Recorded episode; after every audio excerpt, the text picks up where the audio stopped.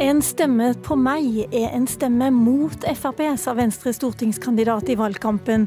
Hva sier hun til velgerne sine nå? Og er returstoppen for unge afghanere uansvarlig og uforberedt?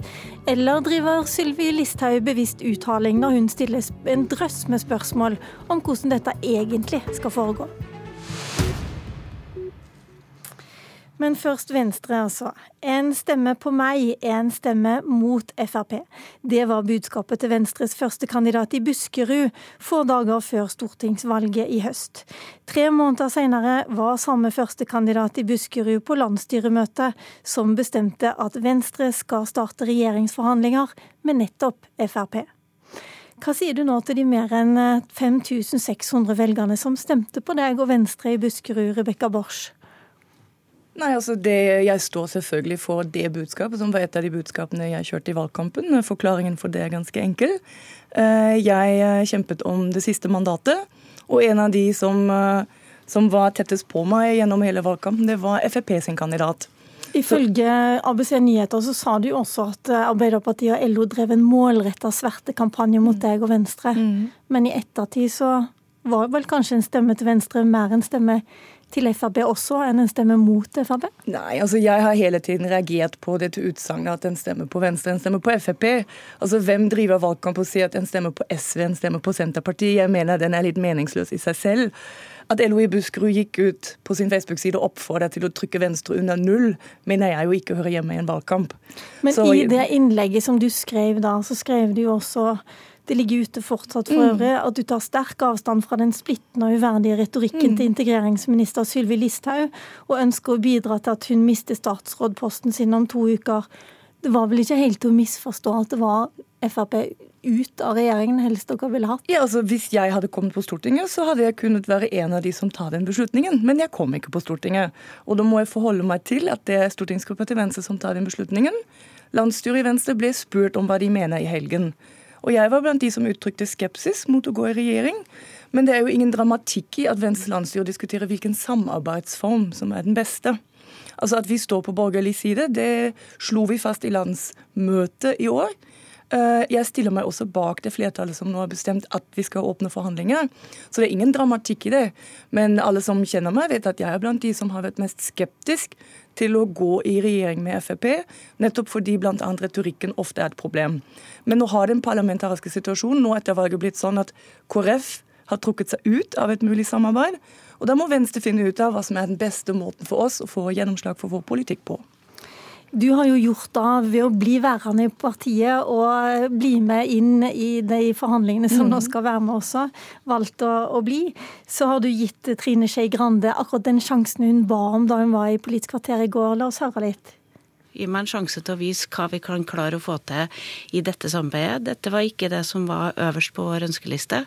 Eh, vi har ikke garantert imot det, men vi, vi sa at dette var en, i så fall noen andre alternativ enn det som var vårt primære. Så gi meg en sjanse til å vise hva vi kan klare å få til, da, og så prøver vi å gjøre den jobben. Karina Borch Abrahamsen, du hører ikke på partilederen. Du var nestleder i Vadsø og Finnmark Venstre inntil i går, så vidt jeg forstår. Hvorfor eh, forlater du Venstre nå? Jeg tenker at eh, Trine Skei Grande og partiledelsen har fått sjansen i over fire år. Og Venstre har vært et støtteparti til Fremskrittspartiet i fire år. Og eh, Venstre har også nå i lang tid forhandla med vår politiske integritet og troverdighet. Og jeg tenker at det kan ikke være mulig å få til et sånt her samarbeid med et parti som har et verdisyn og en politikk som er så langt fra Venstre. Hva tenker du nå, da? Var en stemme til Venstre en stemme til Frp? Jeg vet ikke heller om jeg, jeg syns at uh, den måten å, å, si ting på er, er, fornuftig eller noe sånt. Men det er helt klart at uh, jeg syns det er et kjempeuklokt valg av uh, flertallet i landsstyret og i stortingsgruppa og partiledelsen å gå denne veien. Men hvor stor forskjell er det egentlig? Dere har blitt kritisert for hver upopulære avgjørelse, ifølge venstrevelgerne, som, som er tatt av denne regjeringen, fordi dere har vært et samarbeidsparti. Er det så veldig stor forskjell? Kan det ikke være sånn at er man i regjering, får man også litt av æren for det som går bra? Vi skal ta æren for det som går bra, men likevel så tenker jeg at det her er ikke, her er ikke en vei å gå. For det her handler om hvilken kurs ønsker vi å stake opp, hvilket samfunn ønsker vi å, å, ha. Og Venstre har jo til nå ikke klart å sette foten ned når det gjelder både retorikk og, og politikk når det til Fremskrittspartiet. Og hvorfor tror vi at vi skal klare det nå? Venstre kommer ikke til å klare å gjøre Frp mindre radikale, og det er vel heller Frp som har klart å, å flytte våre grenser. Og jeg tenker at det er på høy tid at Venstre nå tar avstand fra det her og viser hva venstrepolitikk står for. Hvorfor tenker du annerledes om det, Rebekka Barsch? Nei, altså Jeg er med i politikken for å få til endringer, og eh, man får ofte til endringer der det gjør vondt. Dvs. Si i kamp mot andres oppfatninger og argumenter.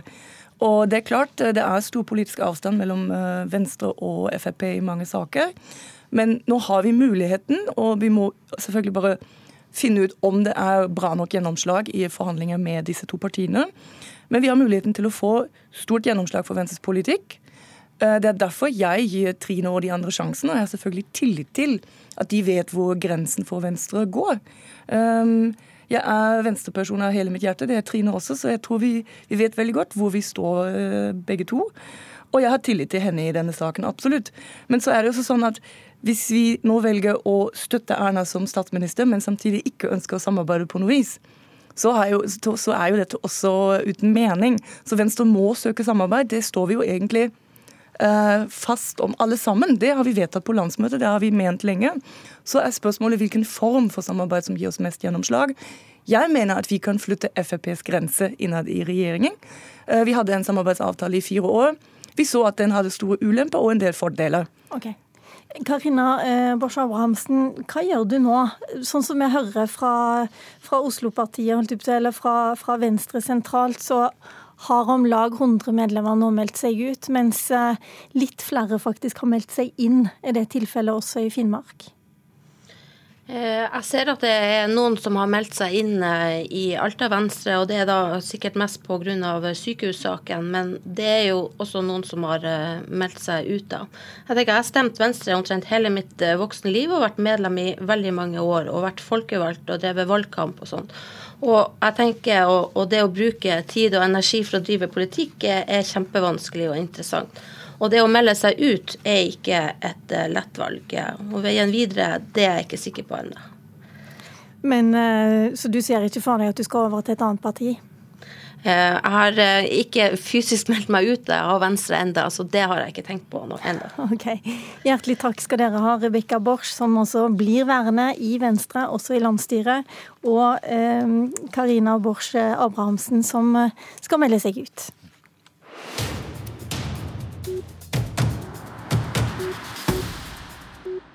Og inn i studio kommer faktisk eh, mannen som eh, slo Rebekka Borch i Buskerud og fikk stortingsmandatet der. Det har gått, men vi skal snakke om noe annet, altså. Det har gått halvannen måned siden Stortinget vedtok at regjeringen skulle stoppe å sende ut de afghanske ungdommene som kom til landet i oktober 2015. Det var opposisjonen som bestemte at de skulle få behandla sakene sine på ny, og regjeringen har vært sterkt imot. I går ble det klart at innvandringsminister Sylvi Listhaug har sendt ikke mindre enn 26 spørsmål til Stortinget om hvordan denne returstoppen faktisk skal foregå. Listhaug er forhindra fra å komme i dag, og derfor er du her, Jon Engen Helgheim. Du er altså innvandringstalsmann for Frp nå. Eh, du skal få slippe å stille alle de 26 spørsmålene her i dag. Men hva er egentlig problemet med å bare gjøre sånn som Stortinget har vedtatt? Ja, problemet med det er jo at det var en uh, usedvanlig eh, kort og udetaljert uh, saksbehandling som Stortinget gjorde ved at man fremma et forslag på morgenen i praksis og vedtok det på ettermiddagen. Det er helt unormalt. Man pleier å ha grundig saksbehandling, grundig utredning. Man pleier å ha markedsskriving fra de eh, politiske partiene, sånn at det ikke er noe tvil om hva man har vedtatt. Her er det et hastevedtak som eh, har blitt gjort eh, uten at jeg tror forslagsstillerne helt vet rekkevidden av det de har vedtatt, og heller ikke begrensningen og hva, hvem det skal gjelde, hvordan det skal gjennomføres. Så det er en rekke ting som må avklare seg pga. at det ble lagt opp til en så uh, dårlig saksbehandling i Stortinget.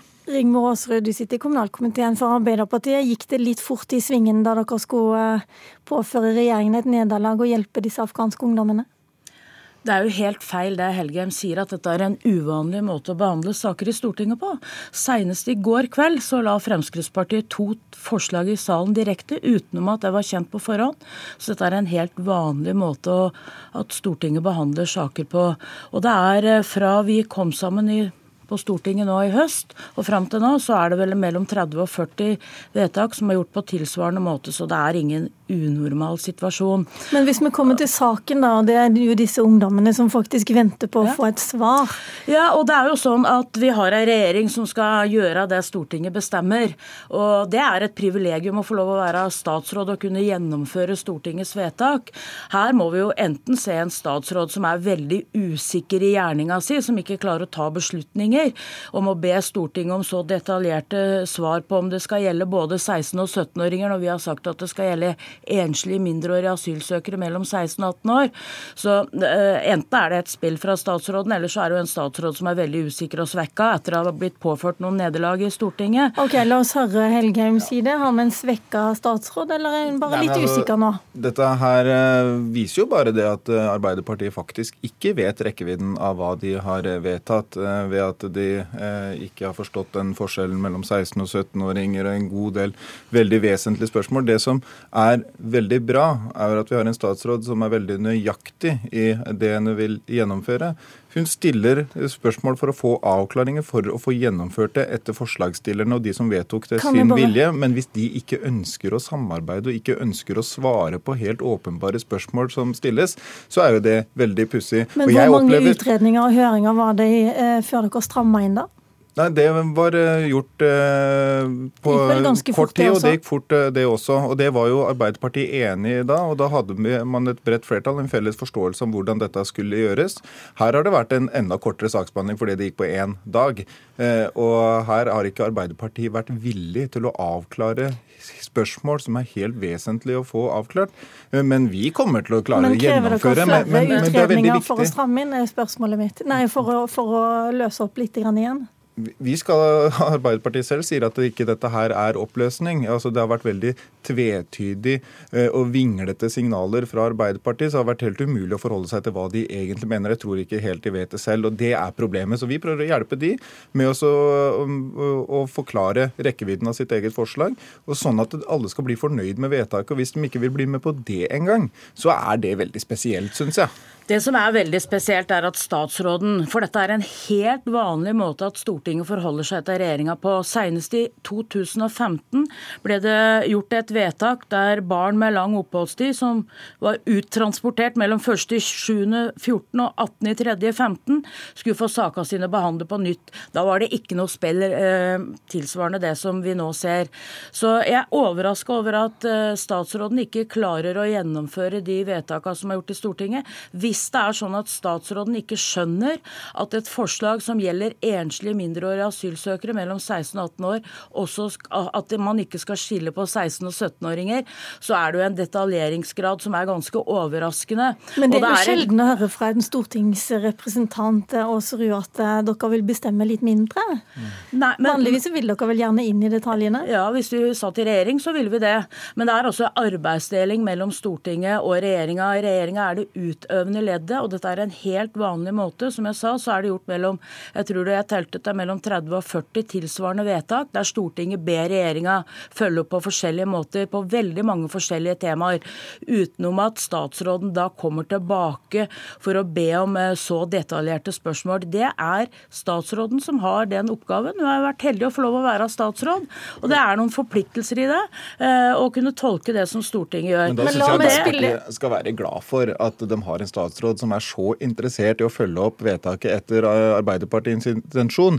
Vi eh, og Sylvi skal nok alltid klare å gjennomføre dette her. Spørsmålet er om de kommer tilbake. og Det som gang på gang har vært eh, kjenningsmelodien til Arbeiderpartiet denne høsten, her, det er at de skal påføre nederlag. Det er viktigere å påføre nederlag og stikke kjepper i hjula for ministeren enn at vi skal ha en stødig kort, også, det er jo helt feil, og det er helt urimelig det som Helgheim nå sier. Vi har stilt opp for regjeringa på de forslagene vi har ment var riktig, og vi støtter ikke de forslagene vi mener er riktig. Ok, 5. januar skal Stortinget svare på alle 26 spørsmålene, og svar må de vente på disse afghanske ungdommene uansett. Takk skal dere ha.